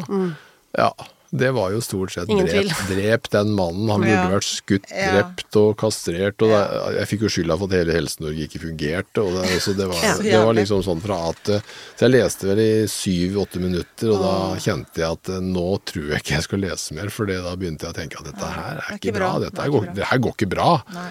Så jeg ville ikke lese mer. Uh, Hva skjedde med deg sånn Klarte du øh, Hvordan fungerte du da som menneske hjemme når du følte den derre Dette må ha vært ensomt. Storm, det er helt jævlig. Ja, altså da var jeg jo det, det var like før jeg skulle få mitt syvende barn. Jeg var midt i bygging av et hus. Så jeg gjorde ganske mye sånn, ikke, ikke bygginga, men sånn mye inne da selv. Så jeg hadde mye å gjøre. Jeg jobbet jo fullt, og jeg hadde jo seks andre barn. Og jeg hadde til og med en samboer som trengte meg, og som selvfølgelig er hyggelig å være sammen med på en god måte. Og, og så kommer dette her. Eh, Det ble litt mye, da. Og den frykten for at nå skal de nappe lisensen min, for det var ingenting som tilsa noe annet ut fra det fylkeslegen var For det kunne ha skjedd. Ja, han hadde tenkt til det. Det er jeg helt sikker på. Det er ikke noe å lure på. Sånn at, eh, sånn at eh, Hvordan skal man klare seg økonomisk faen hvis man mister lisensen? Ja, ja, det rakner jo helt. Jeg, jeg har jo ikke så veldig mye annet å falle tilbake på. Jeg, jeg har jo aldri utdannet meg til advokat, mener jeg, sånn, eller noe annet. Sånn at uh, det var litt uh, angstvekkende, for å si det sånn. Men da er jo jeg sånn som type, da. At jeg kan bli redd uh, og i forsvar, eller så kan jeg gå i angrep. Mm. Hva gjorde du? Ja, jeg gikk i angrep. Så det ble en krig, og den varte i åtte måneder. Jeg vil si krig for min selv, og de, alle de brudda på loven også, i forhold til hvordan man formidler tilsyn, og hvordan man forvalter et tilsyn, hva man går ut med, ikke ut med, hva man gjør og ikke gjør. Ja, grovt. Så det, det, har jeg en sak på nå. Jeg, Men- jeg, jeg, okay. jeg kommer til å forfølge den nå, og det har jeg starta en prosess på. sånn Du at, har det? Ja, nå har jeg bedt fylkeslegen om å redegjøre for det tilsynet, og, og om de kan se på sine egne feil. Jeg, jeg kommer til å klage dem inn til Helsetilsynet, ja. Du gjør det? Ja, jeg gjør det. Så at jeg, det, det, det må de stå for, og det, det bestemmer jeg for. Ja. Men har du fått noe unnskyld? Ja, men denne, denne krigen, altså hvor, hvor, hvordan utartet denne åtte måneders lange krigen seg? Det utartet seg til at jeg, For da var det deg, hvem var det som var på ditt lag da? Det var meg. Det var deg. Du var alene, så du var én uh, Ja, det var jo det var, Ja, altså, jeg hadde, jo- jeg hadde jo støtte fra familien. Jo da, men det var liksom deg som var Ja, de fleste kollegaer var jo bare redde. Ikke sant, for det var mange som var tause. Ja, alle ble tause, fordi at i det jeg begynte å snakke om det, så ble alle Å ja, det der er jo så skummelt, det tør jeg nesten ikke å snakke Nei. om. Sånn at det ble jo veldig ensomt. eh, og veldig alene. Og så, og så etter tre-fire måneder så hadde jeg ikke funnet noe gærent, så da skulle de ha en ny sakkyndig som skulle skulle se om de kunne finne feil, da. Og så var det enda flere måneder, så så måtte jeg jo svare på det. Og det var vel media som også orienterte meg om det skulle komme inn ekstern Inn, Så ingenting gikk sånn det skulle via meg, det gikk jo via media. Jeg skrev jo mine tilsvar. Jeg har vel skrevet til sammen 100 sider med linjeavstand én tilsvar til dette tilsynet. Så jeg, i den perioden så våknet jeg vel hver natt klokken tre. Var oppe og skrev til klokka fem-seks. Så sov jeg vel en time før jeg dro på jobben. Jeg våkna alltid tre. Og du, du merket altså betraktelig forskjell fra folk rundt deg. Det ble stille, liksom. Folk ble redde. Folk ble redde. Kollegaer ble redde. Det var det var det, det var tror jeg fikk fem henvendelser fra kollegaer og sånn som var støttende på, en, på Messenger, og det var veldig hyggelig, altså. Men ikke offentlig. Nei, det var det ingen som torde. Jeg oppmuntra noen til å kanskje kunne støtte meg offentlig, men det var det ingen som gjorde. Og jeg tror ikke det var av ond hensikt, jeg tror det var fordi det ble for belastende. Hvilket jeg skjønner. Ja. Når de så hvordan jeg ble behandla, så hadde jeg jo Ja, ja, jeg bare stor, jeg har stor tilbake. forståelse for at Ja. ingen ville det. Altså, Ja. det, er, det er ingen dag etter det. Det skjønner jeg godt. Pluss at dette var jo liksom Det var jo på en måte å gå ut og si noe som ikke sømmet seg. Da. Altså, Mm. Viggo Kristiansen var definert som Norges største jævel. Mm. Ja, jævel. Han var djevelen inkarnert i et Ja. menneskekropp. Eh, og det å da si at han er uskyldig, eller feil dom, da, uh, det medførte jo at på den tiden der så var jeg nok Norges tredje mest forhatte ganske lenge. Så lenge det tilsynet pågikk, for de var ute, og sånn, media var jo på, og de skrev jo om liksom, nå skal fylkeslegen og sånn, at de holdt jo den der Varm. hetsen varm i åtte måneder. da. Uh, og Og hva skjedde da, da? eh, etter Åtte måneder? Ja, etter åtte Hvordan liksom på en måte landet dette her? Nei, da landa det jo med at det var jo ikke noe kritikk. Nei. Og jeg hadde jo bygd opp det verste forsvar, så jeg gikk jo Ok, nå skal jeg være Jeg er jo en hevngjerrig mann, da. og Jeg kriger og står, ikke sant. Så hver, og, jeg, og tilfeldigvis var fylkeslegens kontor Det var da i Tordenskiolds gate på Aker Brygge. Og jeg bor på Nesodden og gikk da av båten eh, hver dag. Så jeg gikk forbi fylkeslegens kontor hver dag. Så hver eneste dag til jobb så hadde jeg altså en massakrefantasi om at jeg massakrerte hele kontoret til fylkeslegen, og det samme på vei tilbake. Ja, ja. Ja, det var et forsvar jeg hadde. Det var litt deilig å gå og kjenne på, og jeg slapp alltid unna. Ja. Dette var, dette var fantasi. Så dette her pågikk altså i åtte måneder. Jeg hadde massakre hver dag jeg, i åtte måneder. Og, og det, det, det var i hvert fall en kontakt med aggresjonen i meg. da, og på en måte Istedenfor å bli Ja, For du kunne jo ikke ta det ut på noen Jeg heller. kunne jo hengitt meg til angsten. Da hadde jeg antakeligvis blitt et aspeløv. Eller jeg kunne på en måte holde krigeren oppe og Mm. tydeliggjøre for meg at dette her skal jeg ikke gi meg med. Dette er krig, og da ble krigen å fantasere. Kunne blitt alkoholiker, da, eller man kunne liksom på en måte drukne seg i et eller annet. For det var aldri et alternativ å si 'æh, dette orker jeg ikke, jeg, tre jeg trekker meg. Nei, jeg har aldri trukket meg noen ting. Nei. Det var det Det jeg går ville. på personlighet. Ja. jeg. følte, Det aldri følte det var. Og det har aldri etter hvert aktuelt å på en måte inngå en slags type forsonende dialog heller. Nei. Fordi det var ikke rom for det. Da måtte jeg gitt meg på ting jeg sto Men det var jo for seint, var det ikke det? Det var for seint. Det var Ja. en krig, og det var stygt, og det var stygt mot meg. Og media ville ikke dekke min versjon i det hele tatt, hva grunnlaget var eller noen ting. Så, så det var redaksjonene som ikke ville det, så det var utrolig fortvilende. Mm. Fordi jeg hadde jo tenkt å stå fram med ansiktet og si dette er grunnlaget, hva jeg mener Ja, på. Lagt fram ja. alle de bevisene som senere kom i Jahr sin bok. Ja. Heldigvis skrev Bjørn Men det var det ingen som ville ta i. Ingen ville det. Nei. Så at jeg kunne ha lagt fram Jahr sin bok omtrent til media i 2014, men ingen var interessert. Og heldigvis så kom Jahr med boka si i 17, sånn at folk fikk se det, og at media våkna. Men blir du ikke litt sånn faen at ikke noen ville eh, trykke dette her for meg? Det var helt uinteressant. Ja. De ville, de, de ville jo ikke engang trykke og gå ut med tilsynet at det ikke var kritikk. Nei. Jeg måtte jo sende mail til VG og kreve at de gjorde det. Mm. For siden de hadde stått så hardt på for å, for å fremme det, men også andre. Mm. Sånn at eh, jeg måtte kreve at de skulle gå ut og deman- eller fortelle om Mm. svaret på tilsynet. Men det var jo ikke noe forside det, da. Det var jo på side syv nederst og sånn, sånn at jeg tror ikke folk fikk det med seg. Nei, men de hadde jo også altså, Media hadde jo også eh, en dom, og de hadde en drapsmann, og de hadde hatt ham på forsiden. Og de var jo ikke interessert i altså det noe der, annet, nei. Nei, de var jo ikke det. Nei, det var jo en stygg hekseprosess i media mot Viggo også, fra A til Å, og det har jo media senere også erkjent, og langt på vei, i hvert fall veldig mange av dem Ja, nå har de gjort det. ja. Akkurat nå før jul begynte de å gå bitte det- lite når grann det i seg selv. sent, ja. Ja. Eh, Noen som starta litt før, heldigvis, og det var fint. Eh, TV 2 for eksempel har i hvert fall vært litt mer redelige. De var fæle i, i, under saken og sånn, men de har i hvert fall gjort ganske mye for å veie opp for å, å, å, å belyse objektivt, da. Ja. Så det syns jeg har gjort litt opp for seg, altså. Men i den grad det er Men jeg skjønner jo selvfølgelig også at media blir jo fora med den informasjonen de gjør. Men hvordan var det store taktskiftet? Når har du merka at det nå, nå snur det? Nå er det snudd ordentlig. Eh, altså i min, Ja, i din verden, men altså men, i min, i min favør, da? Eller, på, Ja, eller i mindre- Viggos favør, eller altså i deres ja, favør, eller ja, for det altså er jo liksom Viggos favør. Men altså, ja, det betyr at det er mange mange og, jeg har brikker, jo da. gått og, jeg gått og plagdes over Selvfølgelig, jeg, jeg er jo, som jeg sier, jeg er jo en hevngjerrig mann, så jeg har jo egentlig hele tiden gått og tenkt på at en dag så skal jeg kunne ta alle som har plaga meg nå. Skal vi få se. Og det har jeg tenkt på jeg vil si hver dag Ja. siden 2014. Det er åtte år. Ja, men er- tilsynssaken er i gang nå. Ja, det, ja, det er lenge, da. Kommer nå, så det er bare ingen kan være trygge nå. Så nei, altså, det snudde jo gjenåpninga Ja. i 2021. Altså Ja. Hvor mange ganger hadde han prøvd å få den opp? Ja, det vet jeg. Ja, hvor mange begjæringer har det vært? Det var den i åtte, og så var det vel den i ti, og så var det vel den i tre 15 som ikke blir realitetsbehandla. Så det er vel egentlig bare tre, Tre. som de har realitetsbehandla. Og Ja. si, og så har det vært noen klager på behandlingen og sånn, men det er vel i realiteten tre, tre begjæringer da, som er uh, forskjellige. Sånn. Jeg har ikke lest noe om det på en stund. Er er det noe nytt fra gjenopptakelseskommisjonen?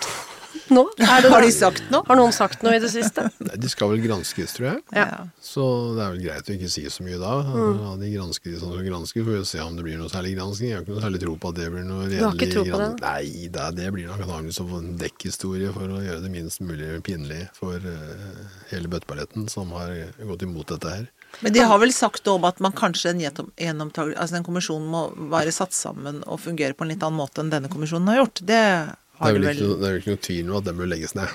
Det er er det ikke det? Altså, at vi lander der på, nå? på uavhengig, det må i hvert fall bli en uavhengig kommisjon. som Det høres jo kjempelurt ut. Ja, for nå er det jo under påtalemyndigheten. Ja, det. Og, sånn at hvis det skal være en kommisjon, så må det være helt uavhengig av Og antageligvis uavhengig av Norge. Jeg vil Ah, ja. jo si at hvis man kan ha en gjennomsvarelseskommisjon, så må vi ha en nordisk fellesskap Mm. eller samarbeid der eh, norske saker går til andre nordiske land, og de andre nordiske landene Mm. Går til så man ser eksempel med andre øyne. Mm. Ja, ja. Hvis ikke så er det vi er et lite land, vet du, folk kjenner hverandre. Men det er det jeg så- tror er det store inhabilt. problemet med Det Norge. inhabilt. Alle kjenner hverandre. Alle kjenner hverandre og er sammen med dommere i den ene rettsinstansen som Og så på middag det sammen et annet sted, Det er så tette bånd og, og, og inhabilt at. Det er ikke mulig å få det bedre, tror jeg. Nei. Hvordan går det med Viggo nå? Hvordan eh, har han det? Uh, han uh, har det jo bra, han, Uh, etter forholdene. Ja. Eh, han klarer seg fint, han. Ja. Han kom ut og brukte litt tid på å venne seg til virkeligheten der ute. og Det vil jeg si. fant jo ut at det var mange vaner som hadde oppstått inne. Mm. Uh, han har klart seg fint. Ja. En tilpasningsorientert fyr med masse ressurser en oppegående fyr. vet du. Sånn at Og En eh, ålreit familie. Ålreit familie, Ja, det fin familie. familie, ivaretagende. Møtt, besøkt ham og vært støttende i alle år og vært helt avgjørende for at han skal klare å stå i det der. Helt klart. Besøkt han hver tredje uke i alle år. Eh, Fredag, lørdag, moren og faren. Og broren. Altså, det har jo Han har jo kommet ut til omsorg, da. Og også Det har jo aldri kommet frem at Viggo hadde noen kompiser før, men han har i hvert fall spilt fotball med ti kompiser, og Ja. noen er gode, og noen er litt fjerne og sånn, men altså, Ja. han har jo ikke vært venneløs. ikke Viggo sånn venneløs. Sånn, med det fremstilte at han eneste han kjente var Jan Helge Andersen. Det var jo ikke det. Han var jo ikke så mye med Andersen de siste par åra før denne saken, han. Nei. Uh, åra før det så var de mye sammen, men de siste par åra så var de jo ikke det. Sånn at uh, han har jo vært med andre. Han har til og med spilt bedriftskamp kvelden før. Da politiet var overbevist om at han måtte ha vært med Jan Helge i, i, i Baneheia, men han spilte bedriftskamp med andre venner. Sånn at, sånn at han har jo tatt opp kontakten med folk der. Han har jo ikke blitt, han har ikke blitt trakassert. Han har ikke opplevd uh, ubehag eller angrep eller uh, noe som helst vanskelig eh, etter han kom ut av den, sånn at Nei. folk i Kristiansand har oppført seg ordentlig, de, altså.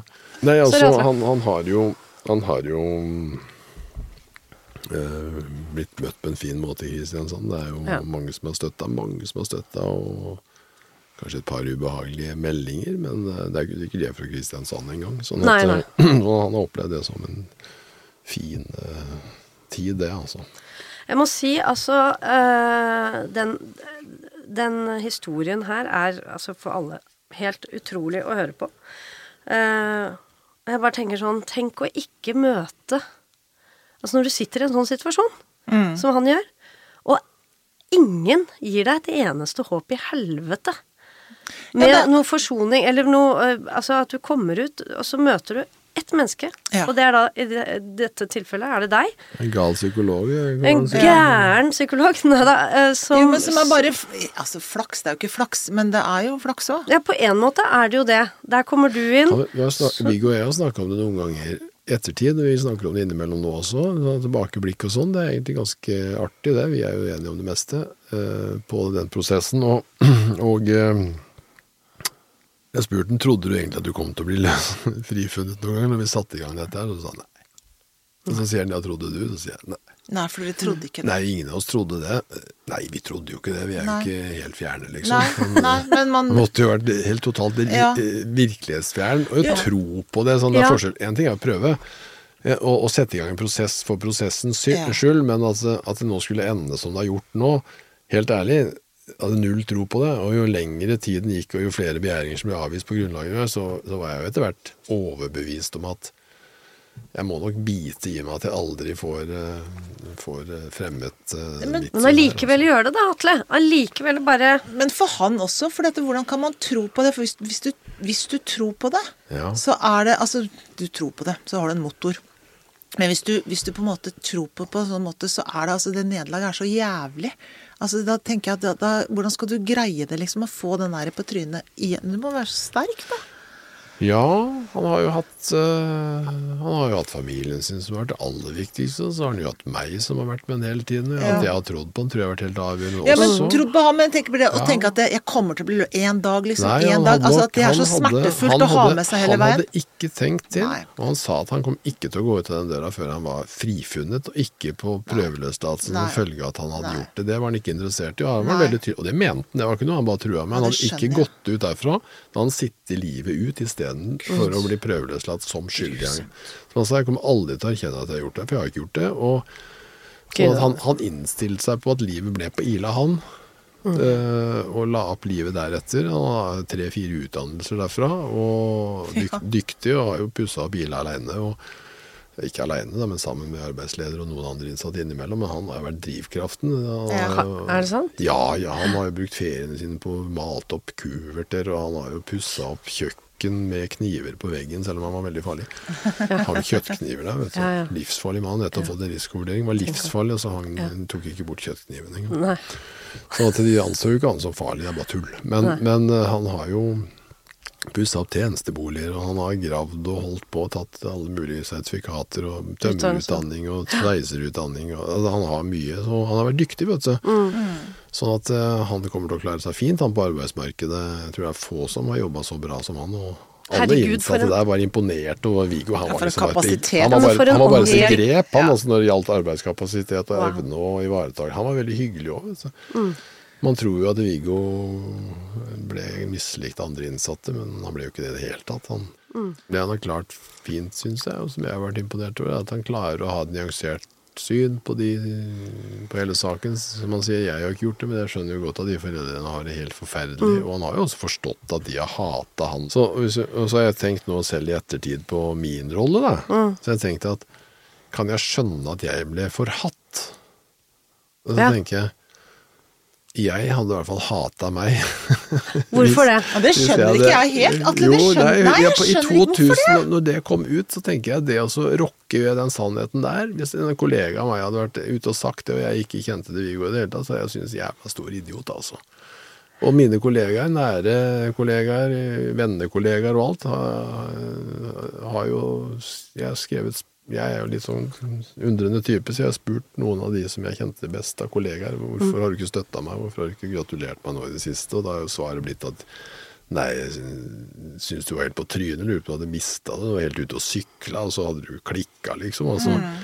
Og i senere tid, etter at den har blitt tatt opp, så har jeg skamma meg så mye over å ha fordømt at jeg har ikke tort. Ja, ja, ja. sånn at, Det er et bra altså, svar, da. Altså, ja, så jeg tenkte, men jeg hadde gjort det samme, altså. Hadde du det? Jeg hadde det, altså. Fordi man må liksom kjenne til en sak Det blir litt sånn som når man for å på en måte kunne mene noe om den. Jo, men at man ikke skal være så redd for at det er noen som jeg tenker at det, Jo, men ta for Ja. deg da, hvis noen øh, Hvis man sitter med en øh, konspirasjonsteoretiker i min verden, Mm. og de kommer med påstander som for meg er Det er, det er bare provoserende, og for meg så ser jeg bare på de som mennesker som bare vil si noe kontrært, som ikke massen gjør. og. Kanskje de til og med syns de er litt idioter. sånn Ja, men det er nettopp Ja, ja, det, det så jeg første- lukker jo første døra med en gang. Ja, og jeg, Det er litt det samme. jeg tror jeg var den idioten. Ja, det er vel kanskje det.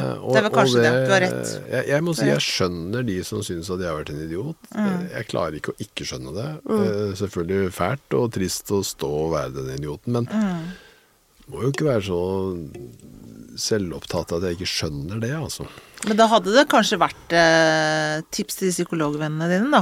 At eh, den lille ydmykheten i å si Ja, at det faen du hadde rett, ja, ja, det så- må jo ja. gå, det må jo gå an. For jeg skjønner at det, å, herregud, nå begynner han med de der eh, konspirasjonsgreiene sine. Ja. Jeg kan også tenke idiot da, Ja. men på et eller annet tidspunkt så, så kan man jo kanskje greie å si fuck, du hadde jo. Ja, det koster tydeligvis uh, Nei, det er, hvor vanskelig er det for folk folk å si unnskyld? Ja, det, det, har vi jo lært. Ja. Det er veldig vanskelig, det. Å, det koster. Det, er så, det det å vise en sånn type jeg vet ikke hva man skal kalle det, ydmykhet eller noe, det er ikke lett, altså. Nei. Vi, lærer, vi bruker jo årevis på å prøve å lære barna våre bare de enkleste ting. Å si unnskyld og mene det, og så klarer vi det jo ikke selv. Det er jo vanskelig. Ja, det er vanskelig. Ta på ansikt. Nei, Atle, dette må jeg si. Ja, det var flotte greier. en uh, utrolig interessant samtale med deg om disse tingene her, og om deg som menneske. Hva dette her har vært for deg. Ja, jeg kan jo si på slutten der at jeg, jeg klarte jo å utvikle en type angst som jeg aldri har hørt om før. Ja. Postkasseangst. ja, fortell om den, da. Ja, det har jeg fortsatt. Har du det? Ja. Å, men Fordi du er redd for hva Jeg som har tenkt, hvorfor i all verden Altså Når jeg går i postkassa, så begynner hjertet å banke. ja. Og jeg begynner å svette litt, og jeg kjenner eh, ordentlig sånn nummenhet i kroppen. Jeg har ikke lyst til å åpne postkassa, for jeg forventer at der er det noe som sikkert blir kjempeubehagelig og overveldende. Og det sitter igjen nå? Ja, jeg har jo aldri opplevd det, egentlig. Egentlig så fikk jeg jo ikke det via Var post. det noe guffent i posten, da? Nei, jeg fikk jo egentlig ikke Altså, de tilsynene, de var jo for så vidt formidla for lenge siden, så det var ikke knytta til postkassa. Jeg tror det rett og slett handla om at det, det var så uforutsigbart og så umulig å vite hva som kom. Og I postkassa der ligger jo, det ligger jo dekka til, og man ser ikke hva det er. Og det kan jo være uforutsigbart. og Ja. Jeg tror det er en sånn generalisert overføring til det som kan komme, men som jeg ikke vet hva er. Sånn at den måten det der tilsynet ble formidla på hele tiden, det, jo, Ja. det, det ble så skremmende overveldende og uforutsigbart. Så på en eller annen måte så hadde det blitt knytta til postkassa, da. og det er jo veldig Jeg syns jo det er litt morsomt òg, da. Men få noen andre til å gå, da. Ja, men Samtidig så hender det jeg venter to-tre uker før jeg går i postkassa. Jeg altså. går aldri, jeg. Nei, nettopp. Jeg har slutta. Ja, jeg også. Tony går. Ja, Daniel går. Jeg orker Men, men det er én ting, men en annen ting er at jeg da gjør det for at jeg ikke liker det. Det er litt, uh, Ja, det er litt, er litt flaut på en måte. Men samtidig så er det litt morsomt. Jeg syns det er litt morsomt også.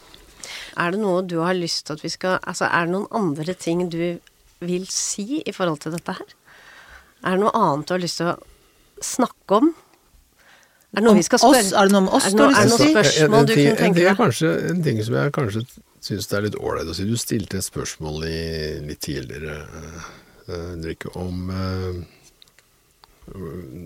hvordan jeg var i den perioden her med Mm. tilsyn og sånn. Eh, Jeg svarte aldri på det. Nei. Det var ikke strategisk, selv om det sikkert kunne vært det. Jeg må jo ha vært et mareritt å være sammen med.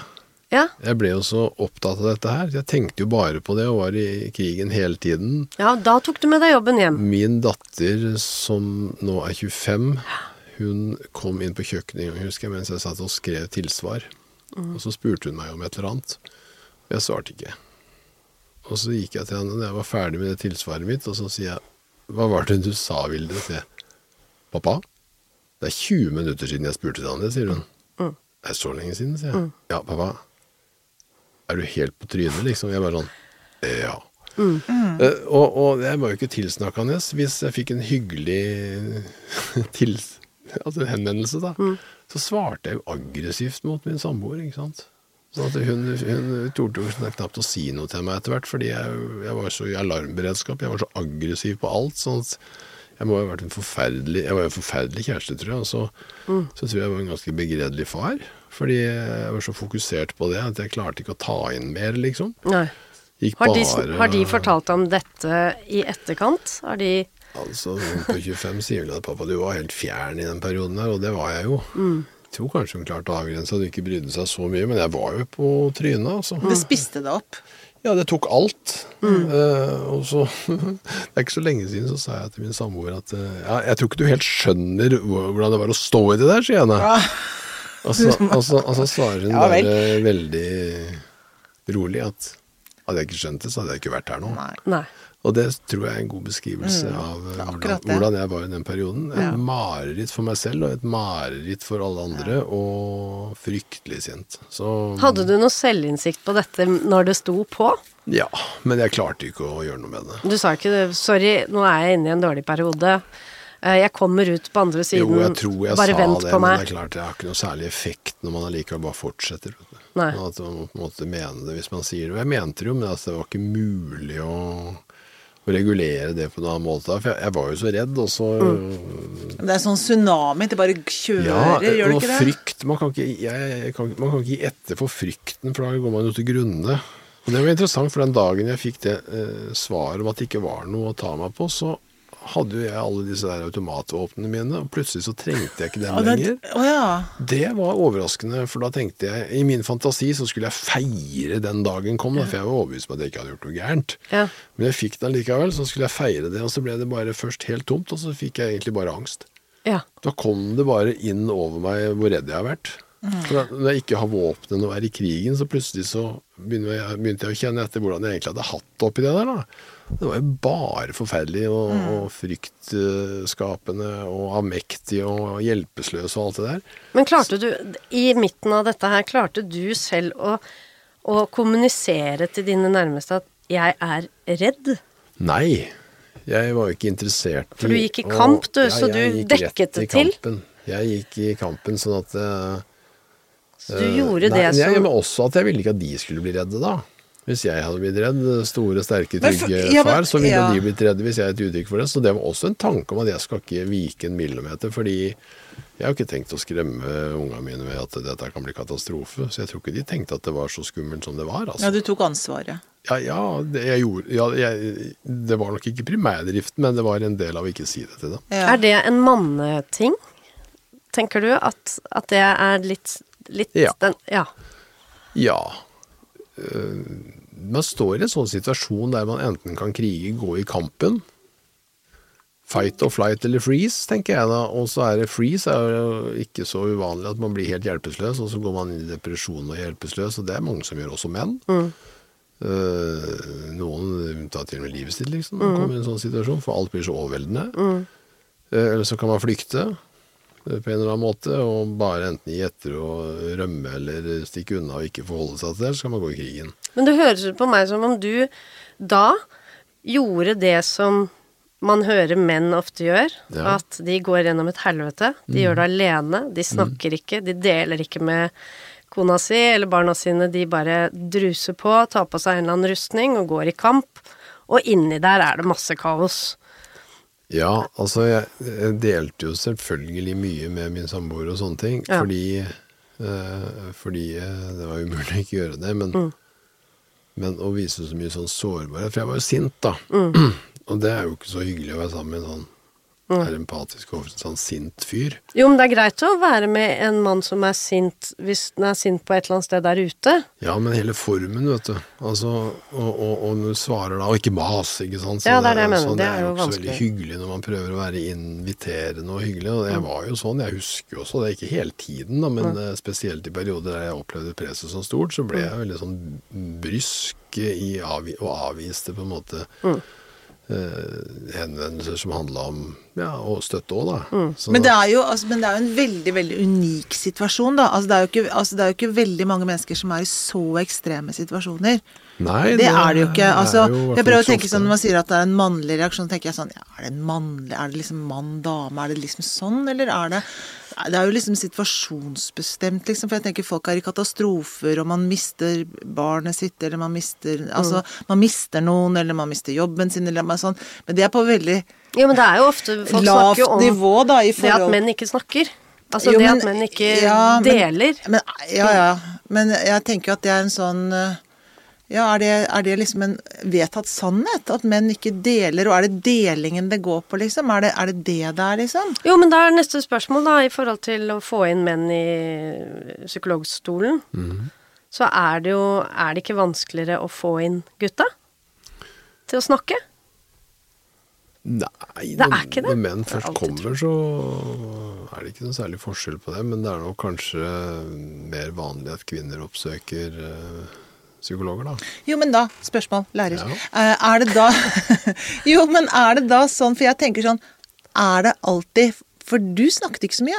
Og er det alltid snakking som er det mest hensiktsmessige? For du var i krigen. Skal ikke snakke så mye når du er i krig. Da skal du handle. Nei, altså, skal ikke jeg, snakke. Nei. Jeg er jo jeg er nok på mange måter eh, det som vel kanskje skal regnes som typisk mann. Jeg er en action-paction. Jeg agerer og Mm. handler og går i krigen med ikke ord da, men med Mm. våpen. Jeg søkte jo støtte en del steder. Fikk det lite. Tenker jeg ok, fortsatte da. Ja. Uh, og, og så tenker jeg ja. eh, jeg, tror jo det er hensiktsmessig. Ja, det er jo det. Altså, hva er det situasjonen trenger, da? Så er det klart, så skrev du 100 brev, da, eller 100 sider, eller hva det var for noe. Ikke Ja. sant? Du, du, måtte, du måtte jo på en måte bruke Ja, ord. ja, men, ja. men det var liksom Det var krigen som var, handlingen det som var, kamp, det var kampen som holdt Nettopp. meg oppe åtte, åtte måneder i en sånn setting. Det er veldig lenge. Ja, det er det. Altså, det er ikke tre måneder som en tilsyn vanligvis tar. Det er åtte måneder. Det er, liksom, det er fem måneder ekstra oppå de som man Ja. normalt forventer at det er over. sånn at det ble veldig, veldig lenge. Og jeg var jo på ferie, husker jeg var jo på ferie med på vinterferie med øh, fire av barna mine, de største, og sto på ski og sånne ting. Og, og jeg var jo midt Jeg våkna klokka tre, jeg var oppe og skrev mm. på disse her svarene mine. kroppen i alarmberedskap hele Tre til fem i åtte måneder. Jeg tror skulle nesten hatt erstatning for to timer i døgnet i åtte måneder. Altså, for jeg var hver natt så jeg oppe og skrev et eller annet fra tre til fem. Du satt ikke på vekkerklokken, Du våknet? Nei, nei, nei, jeg våkna k- tre- tre sharp. Ja. Interessant. Men Ja. kroppen var klokka tre var jeg oppe, og klokka fem så kunne jeg legge meg igjen. Wow. Så i åtte måneder, det er ganske lenge. Det er kjempelenge. Men, men, og, men hvor sliten var du etterpå, da? Jeg vet ikke om jeg var så sliten. Fikk ikke noe knekk eller noe sånt, du? Nei, jeg fikk jo den postkassen. Postkasseskrekken, da. Ja, Men det var jo det var egentlig, det var egentlig bare angst for postkasse, så det er Ja. egentlig ganske mild. Ja. Men, men den er jo allikevel uh, interessant, fordi eh, og, og med den tomheten etterpå over at det gikk bra, litt sånn det gikk i noe kriging, det kjente jeg nå også når jeg ble jo spurt av TV 2, eller jo, det var vel det sånn ja, Hva føler du nå etter at Viggo ble frifunnet, da? Mm. Og de tenkte jo selvfølgelig på det trøkket som jeg har hatt i det, da. Så, Mm. og da, da var jeg svarte jeg var helt ærlig, jeg er helt tom. Jeg ble tom da også. Eh, Glad Nei, tom. Mer sånn eh, Ja vel, ok. Uh, Interessant, da. vet ikke om jeg egentlig har klart å kjenne så mye glede etter det nå heller. Det er mer sånn litt lettelse, da. Nei, Tomhet og lettelse. Da tenker jeg ja, kanskje ikke det blir noe mer, det går greit, det. Men, men jeg hadde liksom tidligere i hvert fall trodd at jeg kom til å bli veldig glad. Men Yes, nå skal jeg ut og feire, men jeg har ikke gjort det i det hele tatt. Men tenker du da at nå må du finne en ny kamp? Nei. Helst ikke. Nei, ja, Tar du en ny kamp hvis det kommer en ny kamp? Jeg er dessverre bygd sånn at jeg har en eller annen sånn eh, rettferdighetssans inni meg som jeg sikkert ikke har medfødt, men som jeg har hatt så lenge jeg kan huske. Mm. Som eh, aktiveres straks det er behov for det. Så ja da. Eh, Selv om jeg ikke har lyst på det, så vet jeg at jeg hadde gjort det. Jeg, er ikke, jeg kan ikke se meg i speilet hvis jeg ikke står overfor for eh, min egen integritet. Nei. Så jeg hadde jo en sånn eh, oppi dette her, som det dro på litt, da, så tenkte jeg jeg hadde jo, Når kampen var sterk, så tenkte jeg jeg må jo tydeliggjøre for meg sjøl at Ja. jeg ikke kan gi meg, så jeg var jo tatoverte eh, kriger, karakter og rettferdighet på den her.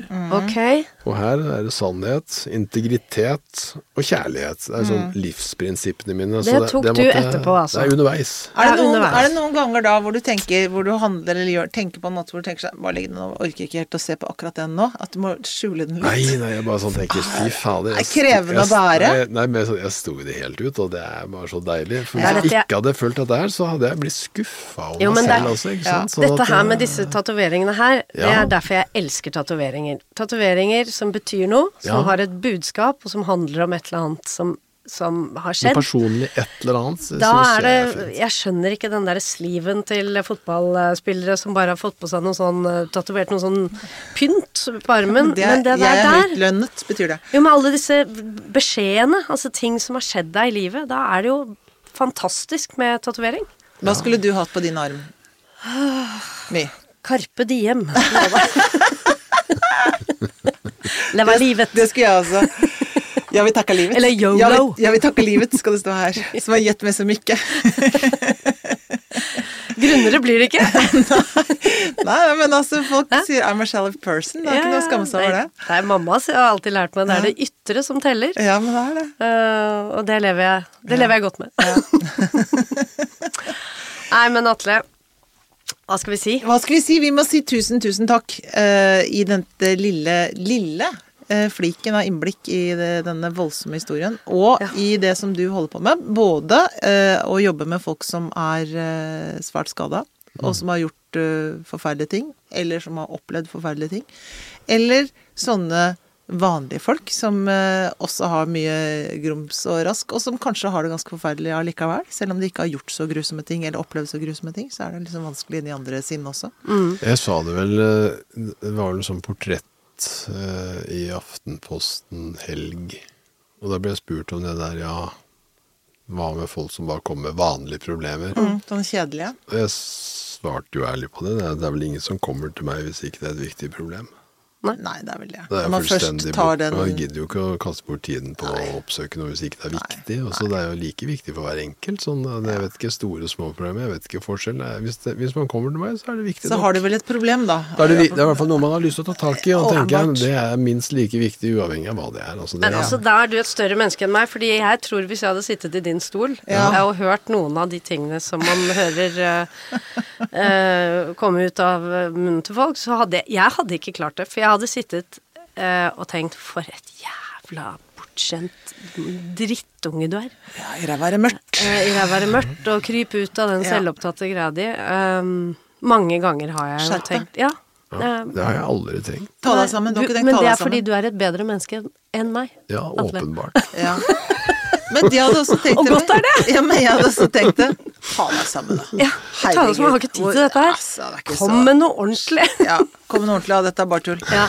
Så da skal vi bare avrunde med å si at uh, verden er et mye bedre sted med, med Atle. Ja, og eh, takk uh. Jesus for at verken du eller jeg har psykologer. er psykologer har praksis. Og til alle dere andre, ta dere sammen. Ta dere sammen. Det er bare å skjerpe seg lite grann. Tusen takk, Atle. Hyggelig. Tusen takk. Tusen takk. Takk. Thank you.